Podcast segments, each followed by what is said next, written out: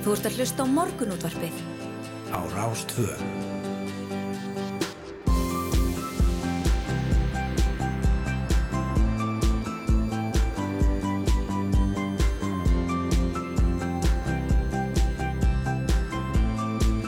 Morgunútvarpið Á Rástvö. Hugaðan og blessaðan daginn, kæru hlustendur.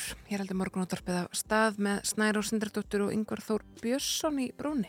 Jú, jú, nokkvæmlega með svona ágætlega fallegu dagur hér á, á Suðvesturhórni landsins allavega. Það var nú heldur kallt kannski morgun.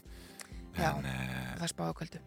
það er spáð köldu Já. en það er hessandi þegar við erum búin að fá hérna einhverja fínt við á lögadaginn Já, já, já. Já, já, við kvartum ekki. við kostum ekki við Það því. þýðir ekki að kvarta, það er bara, það tíma svona að kvarta yfir verðun á Íslandi, það er bara þannig. Já. Herði ég var enn ástuði við það sem verður í, í þætti dagsins. Já, einmitt. Á mánudag rættum við við Sigurd Inga Jóhansson innviðaráður um stöðu samgöngumála á vestfjörðum en hann sagði með annars að vegir á sunnanverðum kjálkanum er þið orðin bísna góður innan fáeinna ára. Þessu eru ykkur á kjálkanum hjertanlega ósamala og meðal hans Ólafur Þór Ólafsson sveitastjóru á Tálknafyrði en hann verður á línunni hjá okkur hér í upphauð þáttar. Já, og íslenska krónun hefur styrst gagvart erlendum gjaldmölum undarfærið öll veikingin sem eh, kom í kjölfar faraldusins. Hún nú gengi tilbaka en styrkinguna má vissulega meðal annars er ekki til meiri aðsóknar ferðamanna til landsins. Við ætlum að ræða gengi krónunar við Bergþóru Baldursdóttur, hagfræðin hjá Íslandsbanka, hér um það byrja, já, svona hálf åtta. Emitt. Tveir af þreymur íslenskum lögfræðingum sem sóttust eftir starfi hjá uh, dómara við mannrindadómstól Ev Evrópu dróðu umsókn síðan tilbaka þegar ljóst var að dómstólinn myndi fresta ákvörðun sinni um ráðningu. Samdóma álut spekinga er að hæfni þreiminningana hafa reynlega ekki verið nógu mikil en ímist þau sem þekkja vel til lístu málunum sem reyn neyksli í samtali, við, uh, samtali við okkur morgun út af fólki í gær þegar við Já. vorum svona að fórhundast það sem þetta mál. Við ætlum að ræða það við Davíð Þór Björgunsson fyrirverandi dómara við mannrindadómstólinn. Já, og síðan eru hræningar á sviði stórmálana. Jú, jú, það likur ljóst fyrir að þær verða í haust þegar Lógi Einarsson stígu til hliða sem formaður samfélgingarinnar. Landsmyndur sjálfstæðisflokksins hefur jafnframt verið bóðaður en lengi hafa verið uppi háar rættir um að Bjarni Benediktsson fara að kalla það gott sem formaður sjálfstæðisflokksins þó svör hans í vikunni bendi ekki til þess að þessi sinni svona fararhugur komin í ráþarann. Við ætlum að spá í spilin í pólitikinu með Andrisi Jónssoni almannatengli hér upp klokkan átta. Já. En uh, fjöldi veitingahúsa á spænsku eiginu Mallorca hefur tekið upp stránga reglur um klæðaburð viðskiptavinna til þess að reyna að draga úr drikkjulátum ferðamanna. Og þeim verður til að mynda neitað um þjónustu sem eru byrjað ofan í grímubúningum, sundfötum eða íþróttadreifum og í frétti Guardianum málið er við veitingamann sem segir ferðarfólk mæta á hótelin klukkan tíuða mótni og að þau hegi erfitt með gang vegna ölfunar fyrir klukkan tvö að degi til. Já, Þetta hafi gengið of lengi og nú þurfa að bregðast við og við ætlum að ræða þessar nýju reglur og, og meint ölæði ferðarfólksægjunni við Andru Jónsdóttur farastjóra. Hún er búið þarna í 34 ár. einmitt, já, þetta Já. er mjög forrættanlegt. Eh, svo er það áfram uh, raskanir í Evrópu. Já, einmitt við rættum í gærum raskanir á starfsemi flugvalla og flugfélaga eh, undanfærið en verkföll á skortur á starfsfólki plaga flugfélagin. Þá hóst stærsta verkfall lestar starfsmann í Breitlandi í um 30 ári gær og fyrir viki eru lestar samgöngur í Lamasessu um allt land. Við ætlum að ræða stöðun á flugmörkuðum og þessi mál almennt í Breitlandi við Hafstein Hugson greinanda hjá Kvikubanka í Lundunum. Sko, ég ímynda mér einhver að, hérna, það að banna íþróttatreyjur á Já, muni leiði til þess að uh, drikkan færist bara heim sem muni bjarga efnarslífi breytt. Já þú vilt minna það, já, einmitt. Nei, ég meina, það að banna íþróttatreyjur sem fatnað er sko nánast útilokun á ákveðnum hópi. Já, einmitt. Ef maður ímyndi sér að, að, að pörin eða á einhverju samskipti sína milli hérna áður þau fara á stað er, er nú verður að færi skýrtuna. Já, einmitt. John, nú verður að færi skýrtuna, Þú veist, sög sér leggja með, íþróttatreynu í smástund. já, sög sér með að banna grímubúningana, sko, Já, en eins og ég segi, eru, þeir eru stífir á Mallorca, það er alveg augljóst. já, og spurning hvort þetta einmitt hafi áhrifa á Íslands ferðarfólk. Já, einmitt. Eða, eða að breytanir halda sér heima. Já, já, einmitt. Þetta er ekki heimabygg frekar. Já, akkurat, akkurat. Þeir alltaf komast um, lítið í lest þess að dana. Já, einmitt. En uh, hér á forsíu fréttablasins er mynd af Bjarnabind sinni fjármálaráþara og Guðmundinga Guðbrand sinni félagsmálaráþara þar sem þeir nutu listar á kærvalstöðum í gær. Þetta var samt ekki eintóm menningarheimsókn, segir hér á blæðinu. Heldur búið ráþverðinni mætti til að undirrita vilja yfirlýsingu um heildar endurskoðun á þjónustu við eldra fólk. Það var glatt á hjalla er þrýr ráþverðar og formenn sambands íslenskara sveitafélaga og landsambands eldriborgar skrifuðu undir yfirlýsinguna en það er óhætt að segja að síkild málverk Jóhansa Kjærval sem prýttu salin hafi stólið senunni og þetta er mjög merkjalt málverk sem að hér er sínt eftir Kjærval um, ég kannu ekki alveg nafnið á því en, en þetta er svona um, þetta, er svolítið, þetta er svona augljóslega úr eh, svona, frá svona alva tímabilinans en það er svona blanda þessari raunáferð þannig að þetta er pínlítið eins og þetta sé á mörgum tveggja tímabila hjá mestrarannum Þetta er fallett Hér á fórstíðum morgunblæðsins er rættum vindorkuna en landsverkin hegst vinna samtímis að undirbúningi þeirra tveggja vindorku vera sem komin er í orkunýtingarflokk rammaállunar Líklega er þó að búrfellslundur komið fyrir til framkvæmda en blöndulundur. En þurfa ekki við því að, að búast að vindurinn á hafunu við búrfell. Fara að framlega raforku fyrir en eftir þrjú til fjögur ár í fyrsta legi segir eh, Hörður Arnarsson fórstjóri landsvirkinar hér við morgublaðið en hunnun og umhverjus mati vegna búrfellslundar er lokið en eftir er leifis veitinga ferli sem getur verið tímafrekt sem og samningar við landeigundur og þá er það fórsenda uppbyggingar vindorka á Suðurlandi að vassaflsvirkjana á þjórsár um, svæðinu verði aukið til að það geti unni með vindorkinu og litið til stekkunar sigöldustöðvar í því efni. Um, þetta er áhugavert hér á fórsíðan morgunblæsins. Já, emitt uh, og hér á fórsíðu fréttablæsins er greint frá því að ríki leiti nú að þúsundum fermetra fyrir stopnarnir á höfuborgarsvæðinu en fjöldi ríkistofnunar í úröldu og ósveigjanlegu húsnæði og nú verður það að reyna að bregðast við því með markaskönnun á alltaf um 20.000 fermetra leiguhúsnæði á höfuborgarsvæðinu. Það er semst Frankóttasíslan og ríkisegnir sem er að leita að þessu húsnæði bara vít og breytt en nýja húsnæðið mun leysa af eldra og óhendur á húsnæði sem gætan hefur verið stúkað niður ég er að leita þessara myndið af Karval að ég má hefði ekki vera að því að lesa þessar frettir einhver eh, Ég er á, á fórstíð morgurblansins er eh, ég líka rætt við þá staðrind að eh, vísillala íbúaverðs á þjóðborgarsæðinu hefur hækkað um tæp 34% frá því í februari fyrra en íbúðalán voru þá með hægstasta móti í kjölfarvakstallekkina Sælabankans og hefur vísitalan raunar hækkað um rúm 43% síðan Sælabankin hófað lækka vexti í februar eh, á það síðast ári. Mm -hmm. um, þetta er svona rýmar vel við það sem við hefum rætt hér. Um, það þarf að leita aftur til tímabilsins frá februar 2004 til mæ 2005 til að finna við líka hækkanir en við sittar hann hækka þá um 46% en til uppröfunar þá komu engabankaði náttúrulega krafti inn á íbúa að lána markaðin hösti 2004 og það breytti markaðnum og bröðust íbúðaránarsjóður og sparisjóðunir við aukinni samkjöfni með því að auka lánveitingar til teikjulóra.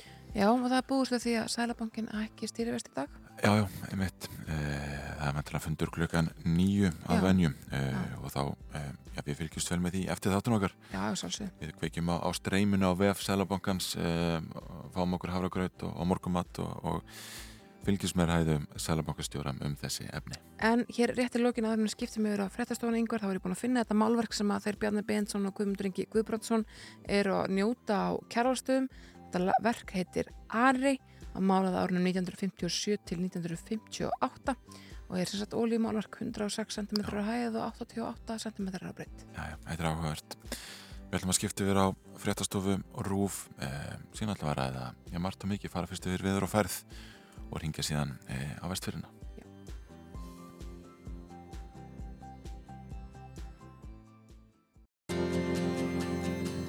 Þú ert að hlusta á morgunútvarpið á Rástvö.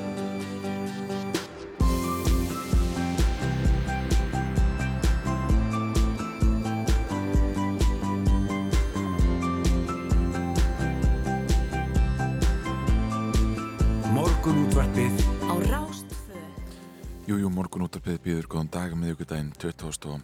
júni. Sjöfrættir að baki og það er yngvar Þóru og Snæru og Sindradóttir sem ætla að vera með okkur hérna til klukkan nýju í dag. Já, og við ætlum að bjóða upp á eitt og annað í þættinum. Það er ótaf að segja það að við ætlum að ræða við Ólaf Þór Ólafsson, sveitastjóra á tálnaferðum stuðu samgöngumála á vestfjörðum verðum gengi íslensku krónunar uh, já, þá stöðu sem uh, skipaðis fyrir mannréttindadómstól Evrópu uh, núna í gær við ætlum að ræða vendingar í pólitíkinni við Andrés Jónsson Almanantengil við ætlum að ræða þá stöðu sem upp er komin á mæi orka þar á að fyrir að setja stránga reglur um klæðaburð viðskiptavinna veitingastæða til að draga úr drekkjulátum ferðamanna. Við heyrum í íslenskum farastjóra þar og ringjum síðan til Breitlands í Hafstinn Haugsson greinanda hjá Kvikubanka í Lundunum og ræði við hann um stöðuna á flugmarkaði og efnagasmólinn almennt í Breitlandi. Það eru verkvöld og, og verbulga og annað slíkt. Einmitt. En uh, veðrið, það eru vestan 8 til 15 metrar á sekundu í dag og skúrir á sunnanverðurlandinu en það snýst í norðlega 8 norðan til með rigningu. Hiti 6 til 15 stig og hlýjast á suðausturlandi. Víða er norðan kaldi eða strekkingur síðdeis og það dregur vætu að kíkja aðeins á korti hérna því að þetta leita ekkert aðeinslega út í höfuborginni hérna í morgun og eh, á hádegi þá er grænindregning á Húsavík. Hér, það má búist til blöytu hér í Reykjavík og í borgarferðinum á haldáraheiðinni er sömulegis grænindregning og í Árnesinu eru drópar á lofti. En Patríksfjörður uh, Kirkjubæðaklaustur uh, sko höfn í hótnaferði og, og hérna og svona, já, þetta suðaust suðausturhótt það nýtur glampandi sólur í dag en hitin fer ekkert mikið yfir 10, 11, 12 stig þannig að þetta er svona Já. með kaldra móti kannski í dag. Já, einmitt. Nú hér á vegagerðarinnar eru uh, já, fjöldi tilkynninga fyrst og fremst um nýjumstu framkvæmdir. Þetta er svo tíma ást það sem verðast er í þær uh, á fullum krafti. Einmitt. En eh, brún yfir kvítafið Karmastungum, hún verður lokkuð í dag og alveg, eh, já, út 2005. Eh, út lögadaginn vegna viðhaldsfrangvanda og það er hjálið um kvítársíðu veg nú eh, vegna vegafrangvanda áþvertal pennusneiðing er vegur þröngur og varasamur. Þetta er út innandi seðinni og umferð eh, fyrir um gamla vegin og meðan á frangvandum stendur. Eh, í eigaförðir unnið að viðhaldi á brúni yfir eigafjörði leirum Það er ljósastýring og þrengt í eina agrein og það maður búist því að það verði einhverjar minniháttar umferð að tafir og virkumdöfum þar en einhver takmarkanir verða um helgar. Og eins og nú áður rætt hér, það maður búist því að þessu verkjum ljúki núna í byrjun júli og sumar líður hatt þannig að e, það er vonbráðar. E, Austurlandi eru þar hindirinn sem eru að ferð víða við veg og vegfærandur bennur um að hafa það í huga og akka með gáta runnað klæðingum norðfjörðavegar og þar má búast við einhverjum töfum og umfærarhaði hefur verið tekið niður. Þar má samanlegis búast við grjótkasti í dag nú á Suðurlandi er eh, ja, unnið að byggingu brúar á Stóru Lagsá á skeð og hrunamannavegi. Það eru áallu verklokk í haust 2022 og nú einhver eitt að áður. Og frost en að fara úr jörðu eh, við eh, já, einu einsum hólendis vegum hér eh, á eh, Uh, já, já, þeir eru viðkomir og ber ekki umferð. Nei, nei, eins og við hefum nú áðurætt og á, í landmannalögum það er búið að taka axturspann af vegi 208 frá virkunum að landmannalögum. Og það er unnið af opnum já, opnum á veginum á næstu dögum en hann er mjög blöytur mm -hmm. segir hér á vegagerðarinnar. Þetta, þetta er fjöldi tilkynninga og ágætt áðurinn lagtir á stað í einhver lengri færalöga að heimsækja þennan fína vef þeirra og, og og Twitter síðuna. Eh, allt þeirra ferli byggir einhvern veginn á því að það eru Twitter-fæslur sem byrtast á, á vefnum og, og nýjustu upplýsingar er alltaf að finna á vefnum. Emitt, en það er kannski komið tími á bílita músík. Jú, við ætlum að fá Emilionu Torrini To Be Free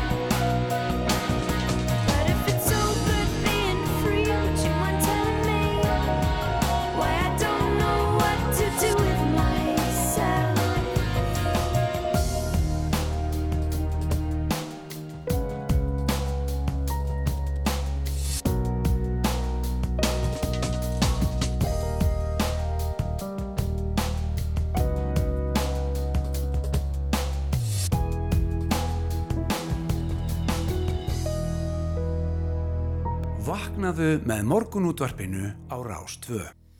Jújú, Emilian Torrini to be free. En einhver, sumafrín Jújú, við erum að rýna hér í vefmiðluna og uh, uh, ég er Rakel Sveinstóttir hjá atvinnulífinu á vísi. Við erum búin að taka saman nokkra leið til að kúpla sig frá vinnu í sumarfríinu og við þurfum á þess að halda uh, þau sem eru að sigla í frí að, að einhver, finna einhverja leið til að, til að kvíla vinnun á meðan. Mm, Algjörlega. Já, þetta er einna listi sem hann hefur tekið saman Já, hér segir að, að það er að láta vita um fyrir huga frí, að segja að láta samstagsfólk eða viðskiptavinni eða byrja að vita að maður sé að fara í frí. Þetta er auðvitað svona out of office tilkynning sem að, að er mikilvæga að hérna, uh, já, mikilvæga að setja á tölubústinni áður að maður fer. Já, já. svo bara mikilvægt að slökka tilkynningum er það ekki, er það ekki aðalatri? Já, ég held að það skipti öllum áli, það er mitt nummið fjögur á þessum lista. Mjög gott að ráða og einfalt slökka á tilkynningum á símanuðinu og meðan þú ert í fríinu. Ég held að það sé hérna leikilatrið að lokka sig eh, út á, á Outlook. Já og líka allum úr allum sko vinnatengum Facebook-hópum. Að slökka tilkynningum þar.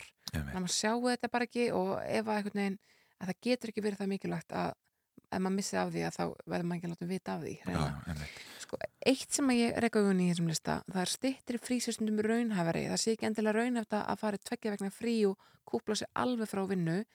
Um, sko hún mæli með því að fara frekar í stýttir frí. Ég verð að segja það mér finnst víslingar gera þetta mikið rífa sömufriðið sundur. Mm -hmm. mér, í mínum hefur mjög mikilvægt að ná alveg góðum ég helst að minnstakosti þrem vikum í beit þar sem að, að hérna, maður er ekkert að hugsa um vinnuna. Að það tekur alveg góða viku að minnstakosti að bara svona vinda ofan af álæginu Já, já, emitt, emitt Já, ég, ég get ekki undir það og, og, og kannski sérstaklega þegar fólk er á leið einhvert erlendis, eh, einhvað slíkt þá, þá, þá getur verið gott í að, að á saman tíma það er skemmtilegt þá, þá getur það tekið orku frá manni og maður þarf að, að jafna sig fyrir, fyrir eftirferðina getur við sagt, þegar við leiðum til Mallorca til Andru eins og allum að ræði hérna eftir? Já, ef maður er búin að þennja livruna á Mallorca þá er ekki óæðilegt að þurfa að kvíla sér til frí. Nei, síðan er líka hérna að setja sér tímamörk fyrir netnótkun eða finnst það lífilega ómögulegt að kíkja ekki á einhver vinnutengt máli símanum. Á meðan verður fríum getur verið góð millilega að setja sér tímamörk og tímasetningar hvernig þessi skoðan er leifileg e, síðan á að velja rétt að tíman fyrir fríð eða þú getur. Það er bent á það að þessi þægilegt að, að vera í fríi á meðan það er örlítið rólegra í vinnunni. Eh, ekki það mest er að gera hjá, hjá viðkomandi fyrirtæki. Mm -hmm. Já, já, þetta er bara svona eitt og annað, að minnst kosti mikið alltaf að fara í frí. Já, að, fólk, það er ekkert sem að er einhvern veginn hallaræsleira eldur en fólk sem segir, já, ég fer aldrei í frí. Ég, hérna, ég á svo mikið uppsapnað, sko, það er bara ég mun aldrei ná að klára það. Fari frí. Já, ég held að við þurfum að hvetja fólk til að fara í frí á þessu ári. Algjörlega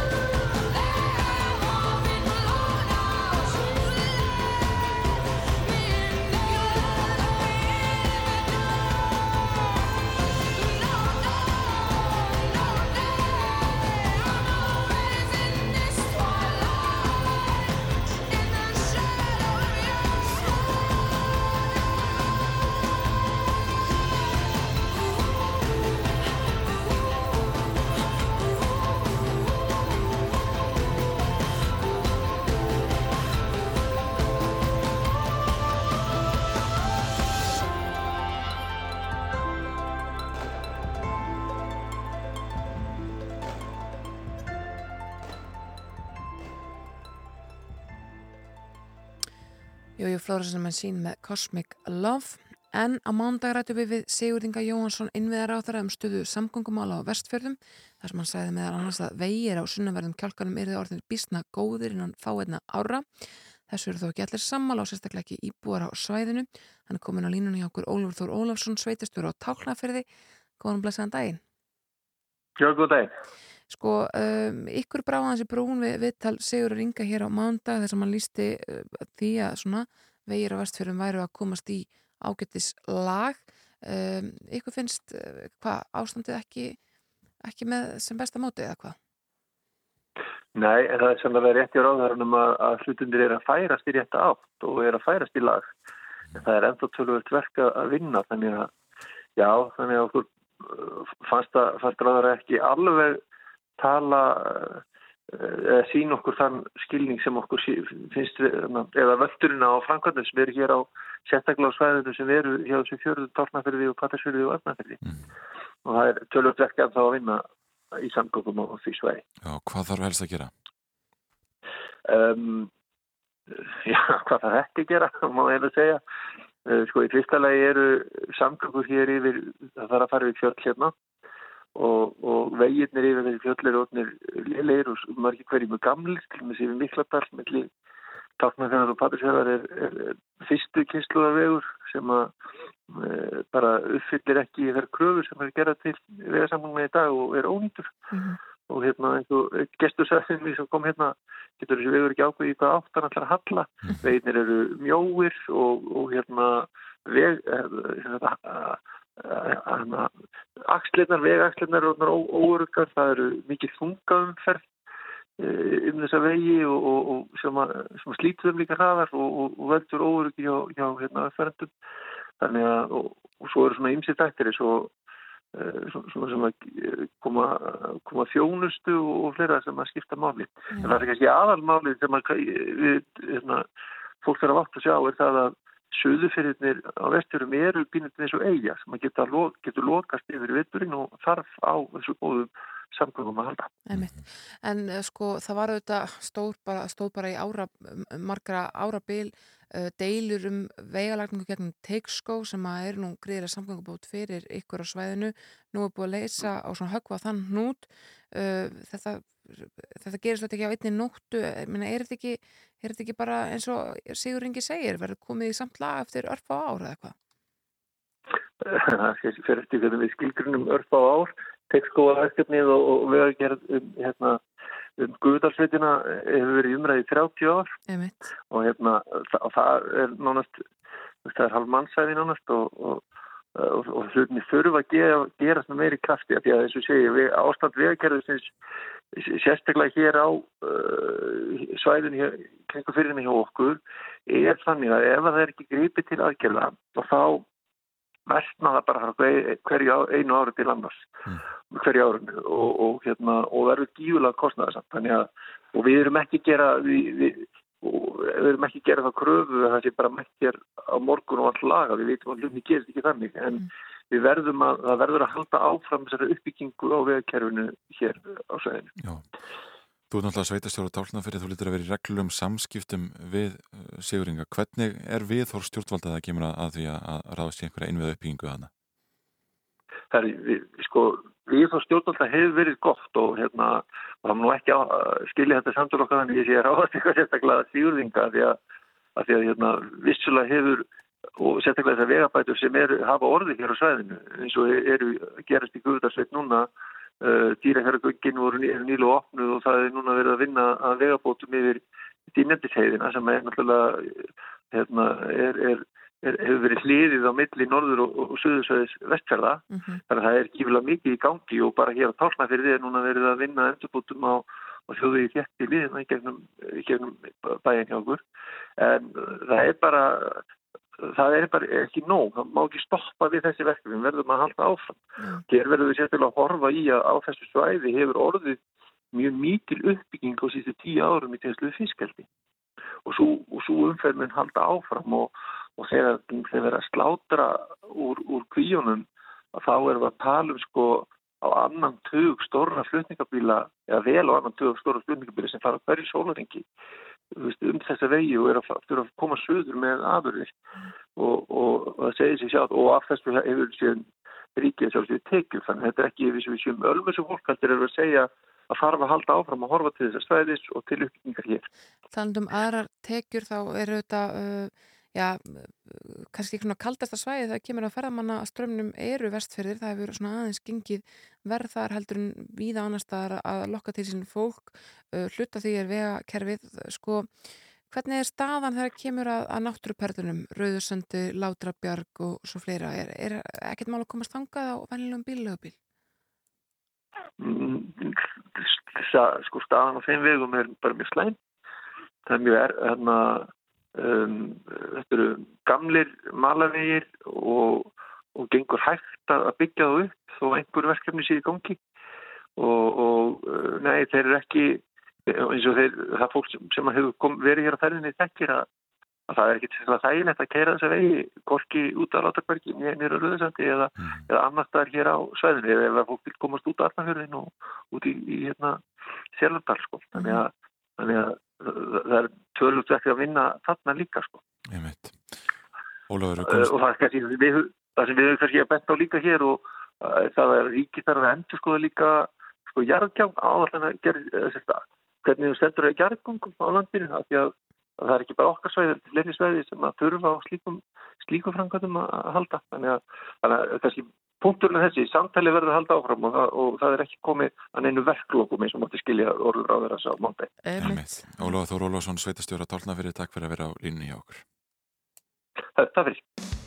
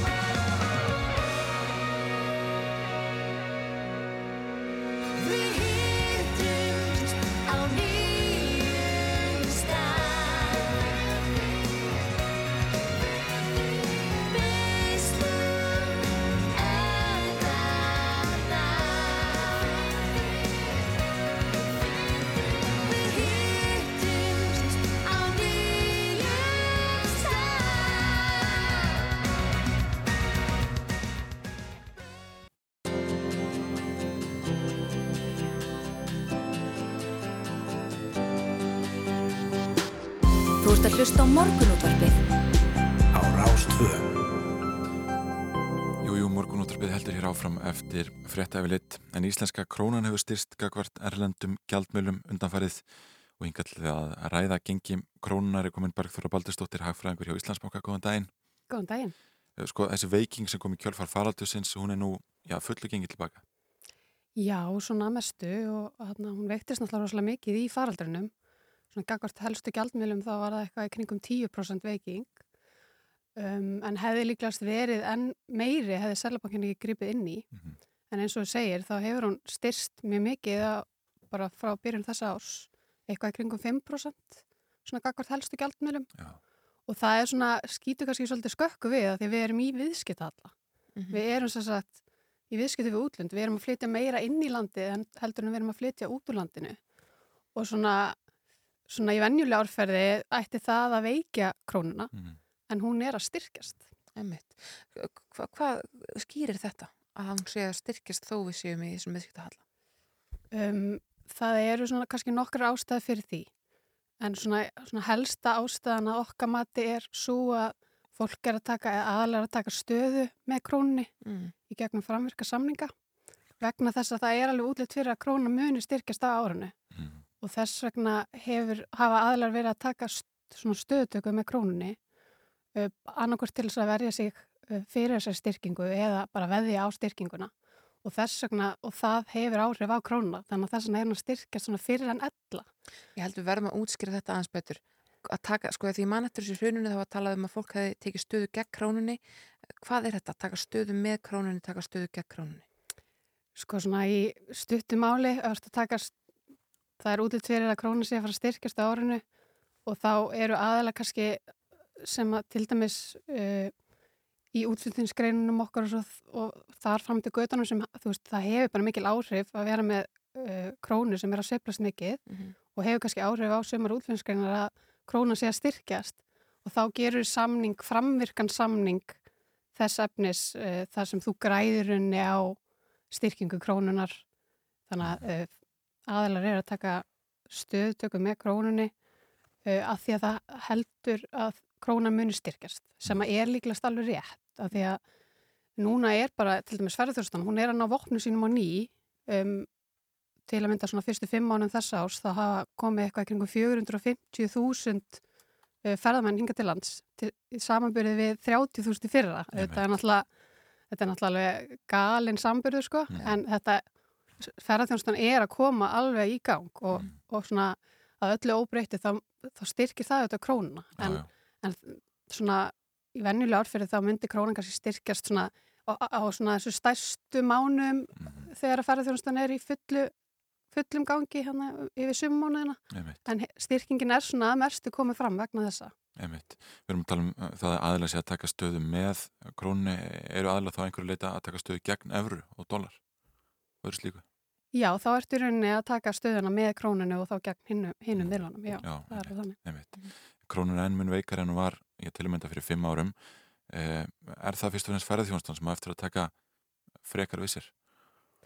Já, um, við erum að búast við að það gæti komið enn einhver styrking á þessu ári, bara vegna, svona helst vegna ferðarþjónustunar og, og þótt að styrkingir sé svona, svona að okkar mati kannski að mestu komin fram, svo teljum við að krónan eigi alveg einhver styrkingu eftir inni, til lengri tíma. Sko, dólarin er núna, við vorum, svo með Áskir Jónsson í okkur hérna í síðustu viku og vorum að ræða hans þessi mála því að Særabankin hefur, hefur leift krónuna styrkjast en gripið inn í ef hún er styrkjast um mikið dag frá degi um, sem hann útskýrði með því að hann var að reyna að halda stöðuleika það væri, þyrfti að vera ákveðin fyrirsáleiki í kerfinu og svo framvegis.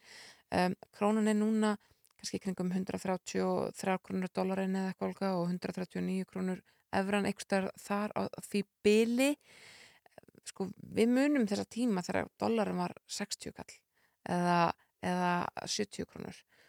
Akkur getum við ekki stemt þangað aftur? Hva, hvað er slemt við þá stöðu? Já, það er góð spurning. Þá var krónan alltaf rosalega sterk Emmett. og við sjáum það bara ef við horfum út frá bara ferðarþjónustuna sem er okkar stærsta útlunnsgrein um, þá megu heldur ekki vera of dýrt land. Af því það mun fæla ferðarmenn frá þeir munu þá bara fara einhverst annað. Við verðum að finna eitthvað jafnvægi á krónunni þar sem að uh, ferðamenn bara til að mynda koma hinga til lands, við erum alltaf að vera dýra áfangastæðir Já, en að við séum svona, við erum dýra áfangast. við erum það. Já. en að við séum svona, svona í einhver samkeppnis, samkeppni við aðra dýra áfangastæði Mm.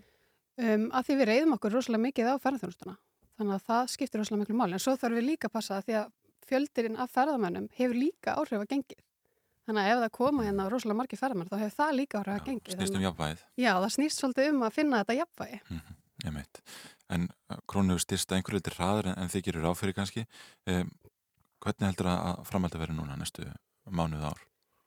Um, eins og ég segi þá tel ég svona að uh, styrkingin sé svona mestu komin fram í ár það gæti verið að króna styrkist eitthvað meira uh, sérstaklega núna í sumar eða svona þegar líða tekur sumarið um, en svona í langtíma spá okkar þá erum við að gera ráð fyrir að- að svona raungengi verið kannski svipum stað og, og var árið 2018 Mhm. þá var efran eitthvað í kringum 138, 100, mm nei 128 en er í 138, 139 í dag Mhm. Einmitt. þannig að það er ennþá svona en styrking í vændum að okkar mati Kanski ein spurning þessu tengdu uh, Bergþóra, við erum að sjá að minnst sko sér tvo mánuði röð, mæ og júni þá er algjör met eðsla Íslendinga Erlendis.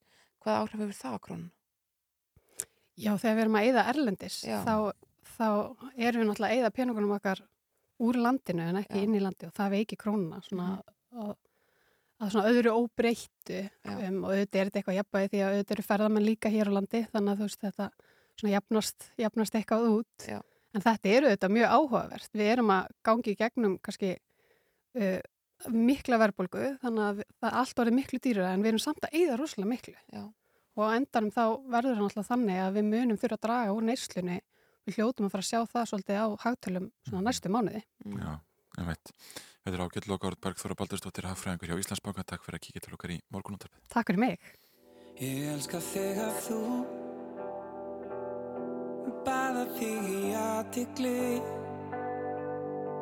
Því ég veit að við Munum eigða saman nóttinni.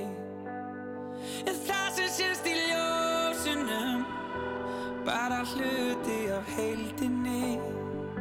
Já, ég þekki allt í leyndarmál Hvíslar þeim að mér undir sænginni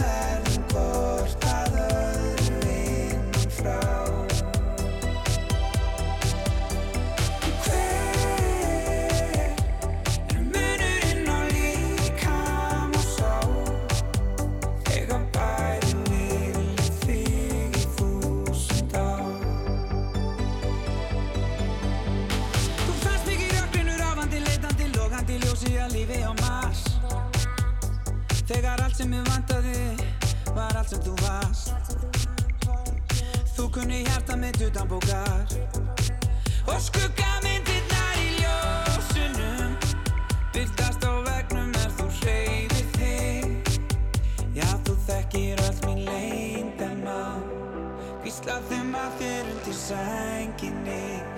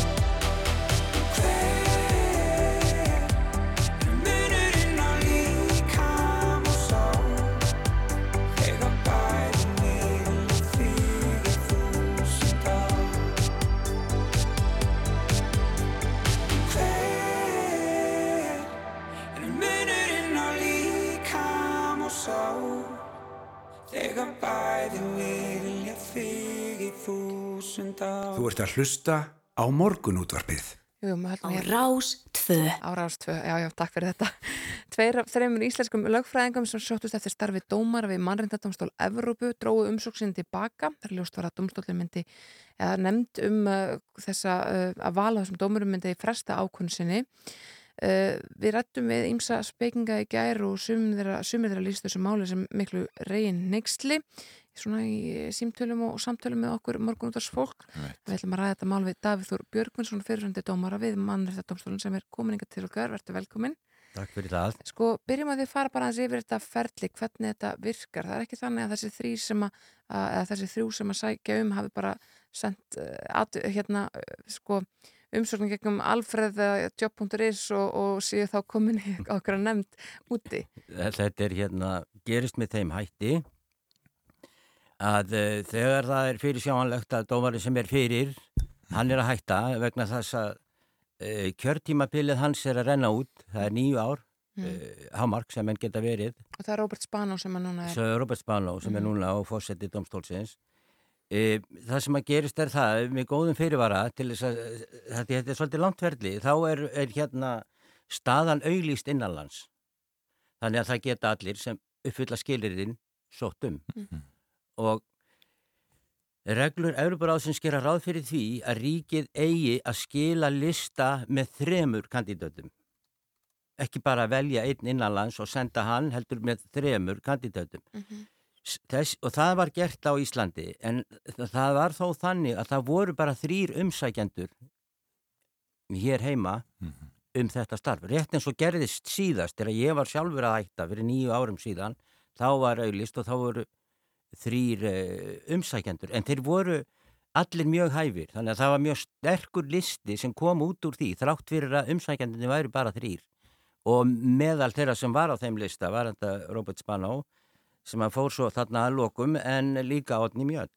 En í þessu tilviki þá er bara þrýr eh, umsækjendur aftur og þeir í sjálfu sér svona, getur maður sagt, eh, svona, á svona almennum nótum eru hæfir. Ég meina það er náttúrulega Otni Mjöll sem er þarna sem hefur verið profesor í, í lögfræði og hefur sérst, lagt sérstak áherslu á mannréttindasáttmál og, og, byrti fjölda greina í erlendum fræðilegum tímaritum um svona ymsar liðar á sáttmálunum. Síðan tveir hæstaréttalögmenn Mhm. sem hafa mikla reynslu þannig að ég ætla ekki að fara að segja neitt þeim til hnjóðs en eftir atvikum þá myndi ég að halda að þeirra reynsla af mannréttindasáttmálunum sé mjög takmörkuð og svona kannski vitundin um dómaframkvæm dómstólsins sé kannski takmörkuð í samanburði við Odníu. En listin fer svo til Strasborgar með þessum þremur nöfnum og það er náttúrulega kannski stafar meðal annars að því að það voru ekkert fleiri umsækjendur.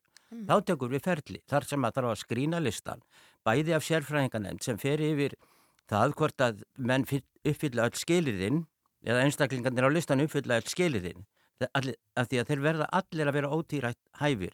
Síðan fyrir þetta fyrir þetta þing sem að lokum svo kýs dómarana og meðferðin í þinginu fölur meðal annars í sér að eh, kandidatarnir fara til Parísar eh, í viðtal hjá nefnd þingsins sem að eh, gerir tilugur um það hvert þeir telja að eigi að kjósa að lokum og það var eftir þetta viðtal sem að þessir tveir umsækjandur dróðu sína umsókn til baka. Mm.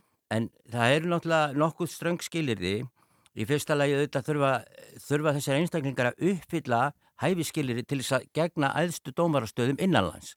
En til viðbútar við það getur maður sagt að það séu gerðar okkur kröfur um að menn geti sínt fram á eða einstaklingar geti sínt fram á þekkingu ásáttmálunum og dómafrangum dómstólsins og svona þessari stærri sögu í kringum þetta. Það er alltaf ekki gerð krafum að menn þekki ykkur einasta smáandriða, sjálfsögð ekki, en þeim, þeir séu svona vel viðræðu hæfur um svona ymsar liðar þessa máls. Og hérna, ég myndi ætla, eða í þessu tilviki hafi þessir tveir e, umsækjandur sem eru mætir lögfræðingar, ég ætla ekki að gera lítið úr því, þeim, þeim hafi mm, kannski verið ljóst að það væri á brattan að sækja Já. og eftir atvökum sem að mér finnst heldur ekki dósennilegt að það hafi komið svona einhverjar meldingar um það að það væru efasemtur um það að þeir uppfylltu þessi skilirði um þekkingu á sáttmálarum. Að þess að ég viti þetta nákvæmlega en mér finnst þetta líklegt svona með að við þekkingu mína á þessu, þessu ferli að það hafa komið svona mál áður þar sem að ef að semtir hafa vaknað um hvort einstaklingar á listanum frá öðrum ríkjum væru allir nægilega hæfur til þess að það væri í raunverulega verið að gefa þinginu kosta á að velja á milli þryggja ótvírætt hæ, hæfra einstaklinga. Mm. Og kemur það þá í hlut þessar umsækjanda að, að draga alltaf umbóðsitt tilbaka, eða sérst, umsótt sína tilbaka eða, eða ættu stjórnvöld einhvern veginn að grípa inn í þetta fyrr? Ég, sko, það er það sem að getur gerst og hefur gerst að Euróbráðið metur bara listan ólögmætan. Það er að segja, hann uppfyllir ekki reglur Euróbráðsins um það og það er Það er auðvitað viðkvæmt, þetta er viðkvæmt, þannig að ég ætla í þessu tilvíki hafa bara komið svona einhverjar eh, umræður í gang sem hafi leitt til þess að þeir hafi ákveðið að draga sér tilbaka. Mm. Það er þá væntanlega vegna þess að fyrir sjáanlegt var að í listin það að lokum ekki tekinn gildur og það hefur gerst hjá öðrum ríkjum svo að ég held að ég geti orðað að þannig að það gerist reglulega og hérna þannig að í þeim skilningi er kannski ekki um stórtíðindi að ræða í sjálfur sér en einhvað síður kannski held ég maður verður nú að játa þetta er svona smá vandræðilegt fyrir Ísland sem Já. að hinga til hefur það hefur aldrei komið svona vandamál upp, það hafa allir alltaf verið hæfir á þessum listum og, mm. og ekki nennar Eva semtir um það Æmi. í sjálfur sér hinga til sko. En er ekki sko neyðalegt í sjálfur sér að tvö tímabili rauð sæki bara þrýr um þessi lágmarksfjöldi? Jú, það er sko, það, jú, það er, það er óheppilegt, það væri betra að fá fleiri umsækjendur þannig að það væri úr meiru að velja en við búum náttúrulega í mjög litlu samfélagi og þetta eru náttúrulega ákveðnar kröfur sko. þetta, er, þetta er nýju ár. Það er ekkert allir sem að geta left sér það að, að flytja bara til útlanda og vera þar í nýju ár, það geta verið eins og persónlegar ástæðar, mm. þó að fólki sem mjög hægt og gæti vel gert þetta. E, það er gert krafa um, góða tungumálakunnóttu þannig að maður þarf eiginlega raunverulega bara e, vera tilbúin til að setjast þarna bara niður með hinnum dómarunum og, og, ræða við þá bara á jafningja grunni og eh, vinnumálin eru enska og franska. Mhm. Þannig að það er eh, síðan til viðbútar því að vera svona, eh, getur við sagt, lögfræðingur af góðu standi inn, innanlands, þá, þá er gerð krafa um það að maður hafi þekkingu á þessu kerfi, á sáttmálólum og dómafrankvandinni og, og sé svona svolítið í þeirri umræðu sem hefur átt sér stað um það svona undanfærin ár. Og mm. það er ekki þekking sem að þú grýpur uppi bara viku fyrir viðtalið sko. Það, þetta er eitthvað sem að, eh, þarf að vera á, sveimi í kollinum áður í jafnvel í mörg ár áður en að maður nær tí að, að geta rætt þetta á þessum nótum. En þetta er auðvitað svolítið erfitt fyrir marga sem eru náttúrulega bara að vinna við annað. Þetta, mm -hmm. Það er náttúrulega bara til til að lítið hlutfall, mála sem að er vel að reyka hérna fyrir uh, íslenskum domstólum þar sem að sáttmálun kemur, kemur við sögu. Það er vísu vaksandi en það er það er bara eitthvað sem að menn eru ekkert að gera á hverjum degi þetta er, þetta er erfitt og einstað þegar það kemur sterkur kandidat þá, þá, þá spyrst það fljótt út í litlu samfélagi og þá kannski eru aðri hrættir við það að fara í þennan slag maður mm. fólk hefur svona það getur verið viðkvæmt fyrir því að fara út í eitthvað slag svona sem að vita þeirra verður mjög já. erfiður já, já. En þurfið þú að breyta umsóknarferðlinu einhvern veginn fyrir þessi minni ríki? Nei, þetta, nei, það, það held ég, sko, það er erfitt, við getum ekki, við, við getum ekki gert það, sko. Ég held að það, þetta sé gott kerfi í grunninn vegna þess að það má ekki gleyma því að, að þetta kerfi er hanna með til, til þess að einstök ríki geti ekki bara að handpeka einhverja kandidata og, og, og, og hérna, sendt þá í gegnum þetta ferli með kannski tóa við hliðin á sér sem eru augljóslega ekki hafa augljóslega ekki jafn mikla þekkingu á, á, á hérna, þessu kerfi. Þa, það opnar möguleika fyrir ríki til að mm -hmm. stýra mönnum í gegnum þetta ferli á kannski pólitískum fórsendum eða öðrum slíkum hæfnum fórsendum. En nú þú verið uh, dómari við mannandadómstólinn, hvernig er svo reynsla? Hva, hva, hver var þín upplöfun? Já, það er náttúrulega mjög, það er þetta mjög, mjög örfitt að lýsa því í stöttum áli en þetta var náttúrulega alveg þetta var þetta var stólbrotin reynsla myndi ég segja sko. Mm. og hérna og, og sérstaklega áhugavert sko. Það eru þetta gríðalegu fjöldi af málum hérna og þau eru misáhugavert. En það sem að mér fannst svo skemmtilegt við þetta, það var að fá þetta tækifæri til að vera þarna í miðri Evrópu og fást í allt þetta sem að þar er að gerast. Og líka fannst mér kannski sérstaklega áhuga að vera svona þessi mál sem tengjast stórum viðbörðum í, í sögu Evrópu. Já. Það var verið að hérna, reyka mál þarna sem var jafnvel hægt að reykja til síðari heimstyrjaldarna. Mm -hmm. Það er mál sem var það innrás uh, Tyrkja í Kýpur 1974 og örlög þess fólk sem að þurftu þá að þúsundum saman að flýja heimili sín. Það voru átökin í, í, í, í kringum rúsa, Tjetjenia til dæmis mm. og, og flerri svona Þetta er mál sem að tengdust hrunni Sovjetríkjana og hrunni kommunismans í, í mið- og austur-Európu og, og fleira. Þannig að þetta var svona e, sérstaklega áhugavart fannst, fannst mér mjög margt af því. Mm, mjög fascinerandi og takk kærlega fyrir að segja ykkur frá þessu Davíð Þór Björgvinsson. Uh, við ætlum að fara að skipta yfir á áttafréttir. Já. Já, takk okkur fyrir að bjóða mér. Já.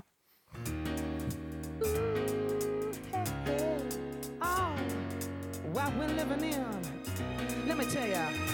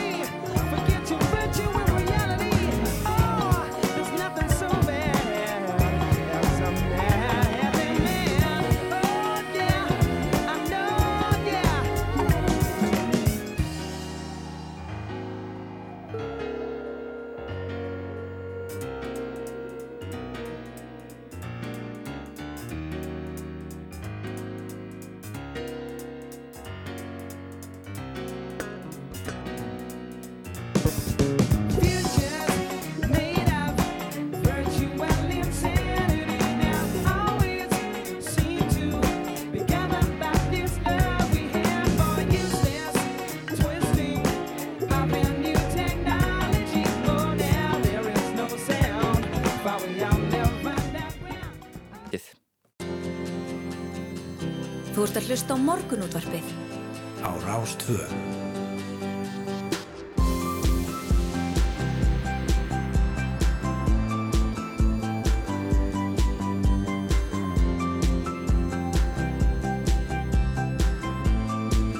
Morgunútvarpið á Rástfö.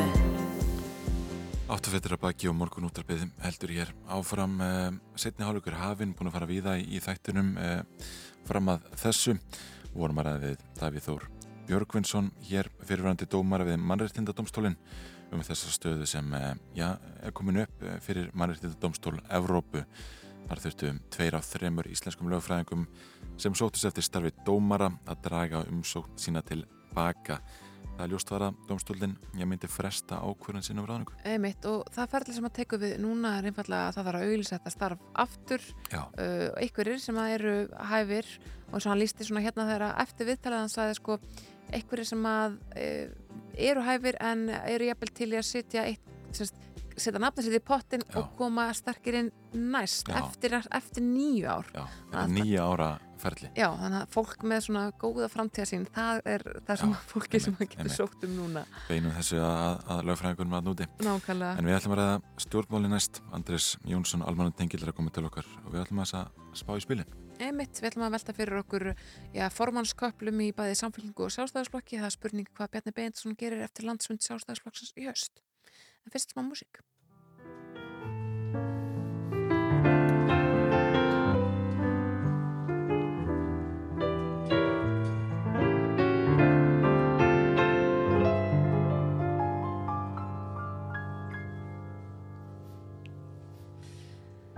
Maybe one day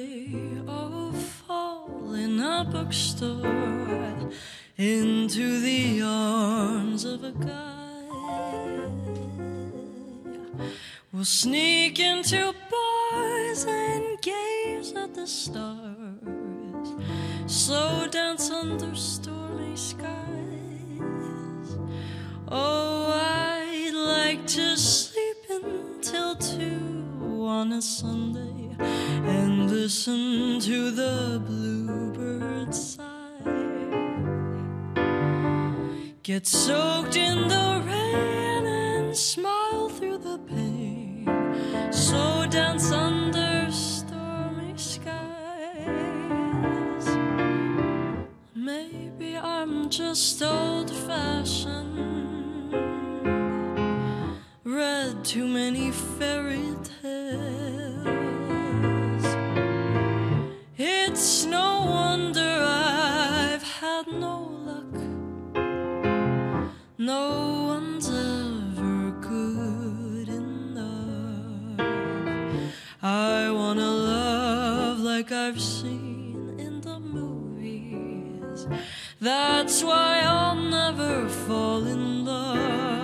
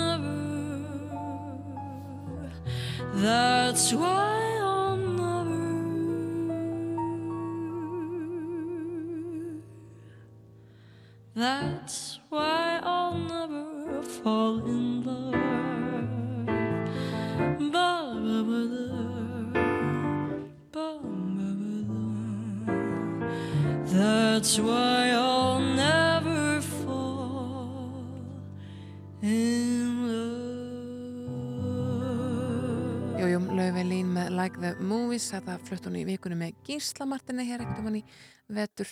En við ætlum að spá hans í spilin fyrir, uh, já, pólitíkina eins og hún verður í haust, þingir auðvitað farið í smá sumarfrí, en það er samt alltaf gerast. Um síðustu helgi þá tilkynnti Lógi Einarsson að hann hefðist ekki bjóðið sér fram á ný sem formaður samfélgarinnar, þannig að það eru, já, ymsa vendingar sem að taka við innan þess flokks og svo bóðaði sjálfstæðisflokkurinn til landsfundar og, uh, já, fólk er ekki alveg sammála um það hvað Bjarni Benditsson ætlar að gera í haust, hvort hann ætlar að halda áfram sem formaður eða sitja að minnstakosti enn eitt tímabil og vera þá búin að vera formaður sjálfstæðsflokksins í 15 ár eh, síðan 2009. Uh, hann er komin enga til þess að velta þessu fyrir, ok, fyrir sér með okkur Andres Jónsson, almann tengill, ertu velkomin. Takk fyrir. Sko, byrjum að þess að spá í Bjarna, það, það svona um leiðu það var búða til uh, landsundar sjálfstæðsflokksins þá svona poppaði fólk upp á internetinu og sagði já, nú dreifðu tíðenda, svo kemur hann fram og segir, já, það er ekkert, ekkert eðlilega það að ég haldi áfram sem formaður um, það þýðir að það er tvö ára millir landsfunda að hann myndi sitja sem formaður sjálfstæðsflokksins í 15 ár er það uh, er það ekki lengra að þannig fólk hefði búist við jafnvel? Jú, klálega fyrir einhverjum árum hefði hef, hef það þótt mjög svona langsótt spá en svo hefur mörguleiti verið óunlega tíðanbili í pólitíkinni. Eh, Lógi Einarsson bentur og hann hafi settið lengst eh, formana í samfélkingunni þegar hann tilkynnti að hann hefist ekki bjóðið sér fram áfram. Einmitt og samt finnst mann að nýbyrjaður Akkurat, þetta er svolítið svona að hafa verið skrifni tímar. Að, eh, en, en sannarlega hérna, hefur Bjarni Benediktsson verið svona hérna, styrt sig veginn í, á formastóli eftir því sem hann hefur sittið lengur. Og hérna og maður sér ekkit fyrir sér að neitt fari gegnunum til dæmis í höst þó hann, þó hann ætli að hérna, vera svona lang eða setja svona lengi. Já, já. En væri taktist hjá hann með einhverju leti ef hann myndi stíga til liðar og, og já, til að mynda Þórtís stígi þá upp og, og, og fari í formaninu og hann stiði hann í því. Já, ég hugsa að hann sé örglega að byrja að hugsa það sjálfur. Veist, hvernig hann vill hérna Eh, stíga úr þessu embatti og, og það er yfirleitt flestum svona formenu sérstaklega þeim sem við setjum hafa lengst hérna andum um, hérna arlið sína.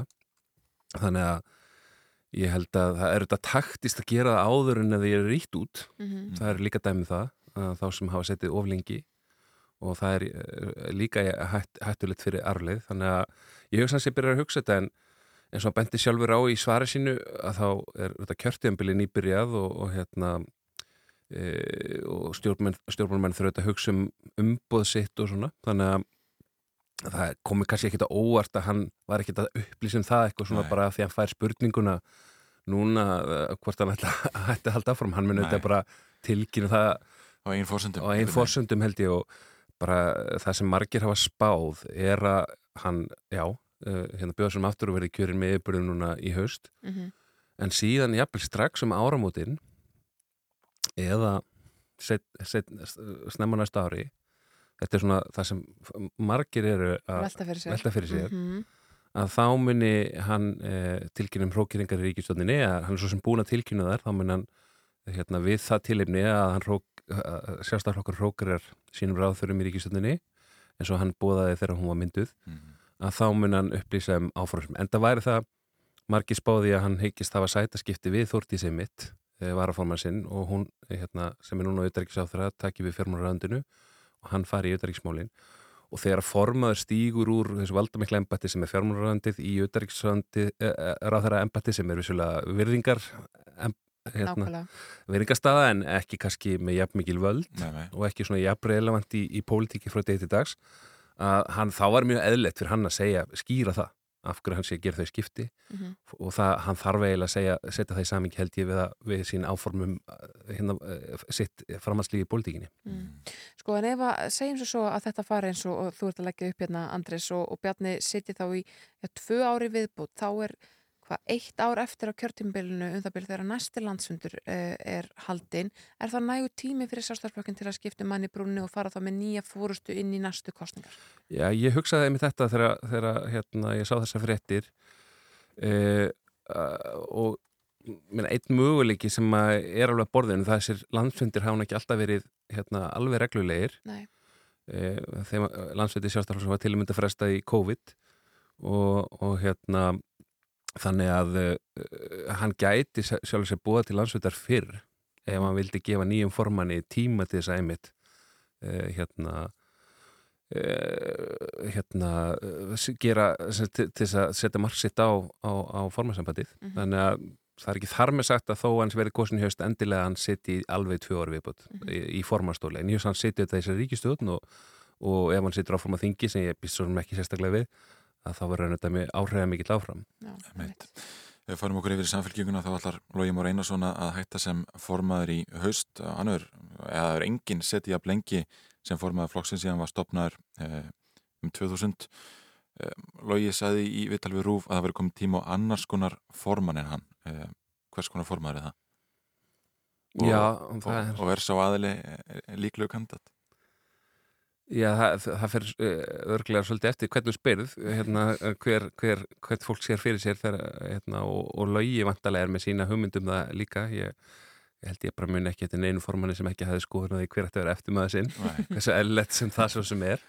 Það getur rauk fyrir því á miða móti en þetta, það nafn sem að flestum kemur í hug og ekki af neyndi tilvílun er Kristún Frostadóttir. Hún hefur náttúrulega áttalega svona einstaka innkom í stjórnmólin eh,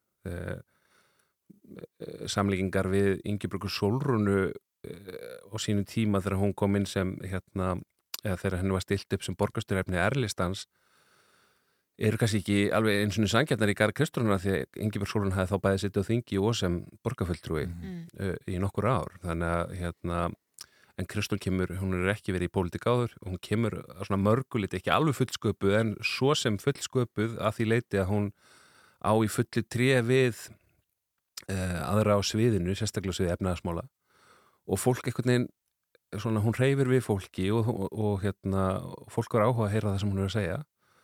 Og, og þannig að það væri það kemur mjög óvart ef hún væri ekki að fara fram. Og kannski bæta því að það er kannski ekkit þó við sem hérna bara velta vöngum og spekulur hérna í, í lóki júni Það er að þá er þetta samt uh, eitthvað sem er bara að fara að gerast. Mm. og hún lítur að vera búin að taka ákvörðun eða við það taka ákvörðun vegna mm. þess að landsöndurinn er, er í oktober og í lögum uh, samfélkingarnar þá þarf að óska eftir allsærkostningu um formann og hún mun vantalega vilja það hafandi þennan svona uh, stuðning út fyrir raði flokksins.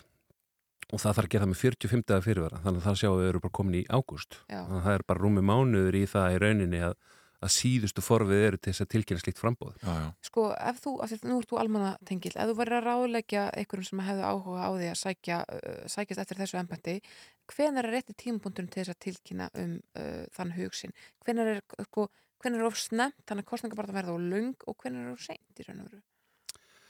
Já, uh, og þetta er alveg reyland spurningar. Það er margi sem velta því upp hvort að til dæmis Hildur Björnstóttur hafi verið uh, hérna, of sein í það að verða tilkynna og, og, og sækist eftir að verða oddviti í sjálfstæðarflósins og svo hann hafa hann rauninni hérna, ekki haft nægan tíma eitthvað neginn mm.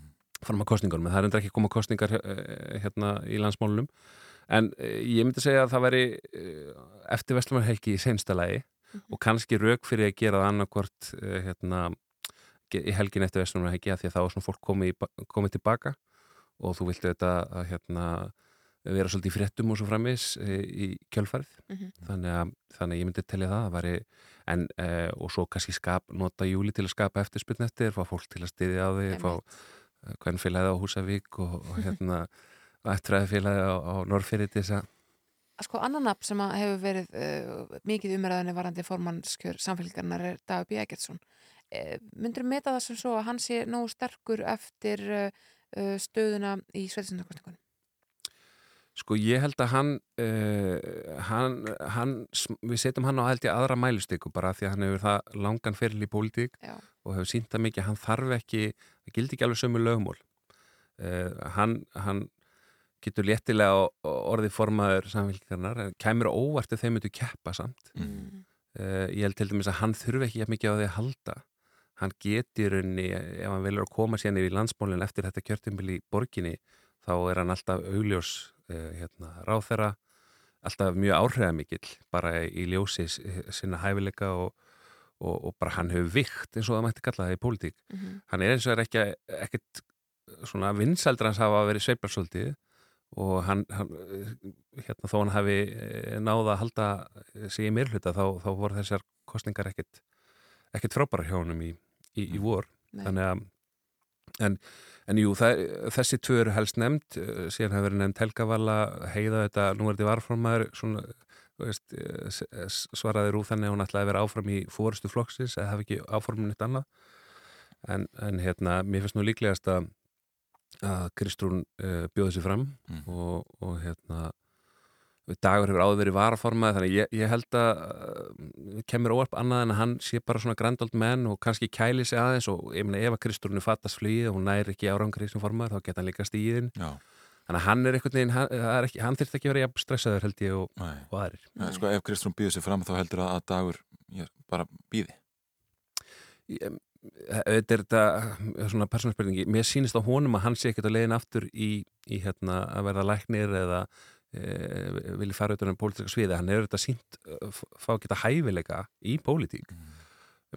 og þó að kannski ekki er spennanda fyrir hann að taka við samfélkingunni eða koma inn í samfélkingunni eða landsmálinn á síðustu árum að því að það hefur verið hérna, flokkurinn hefur fa- farið gegnum miklar hérna, sveiflur. En saman má segja að við áleiskjafur höfum svolítið verið að taka samfélkinguna fyrir oft.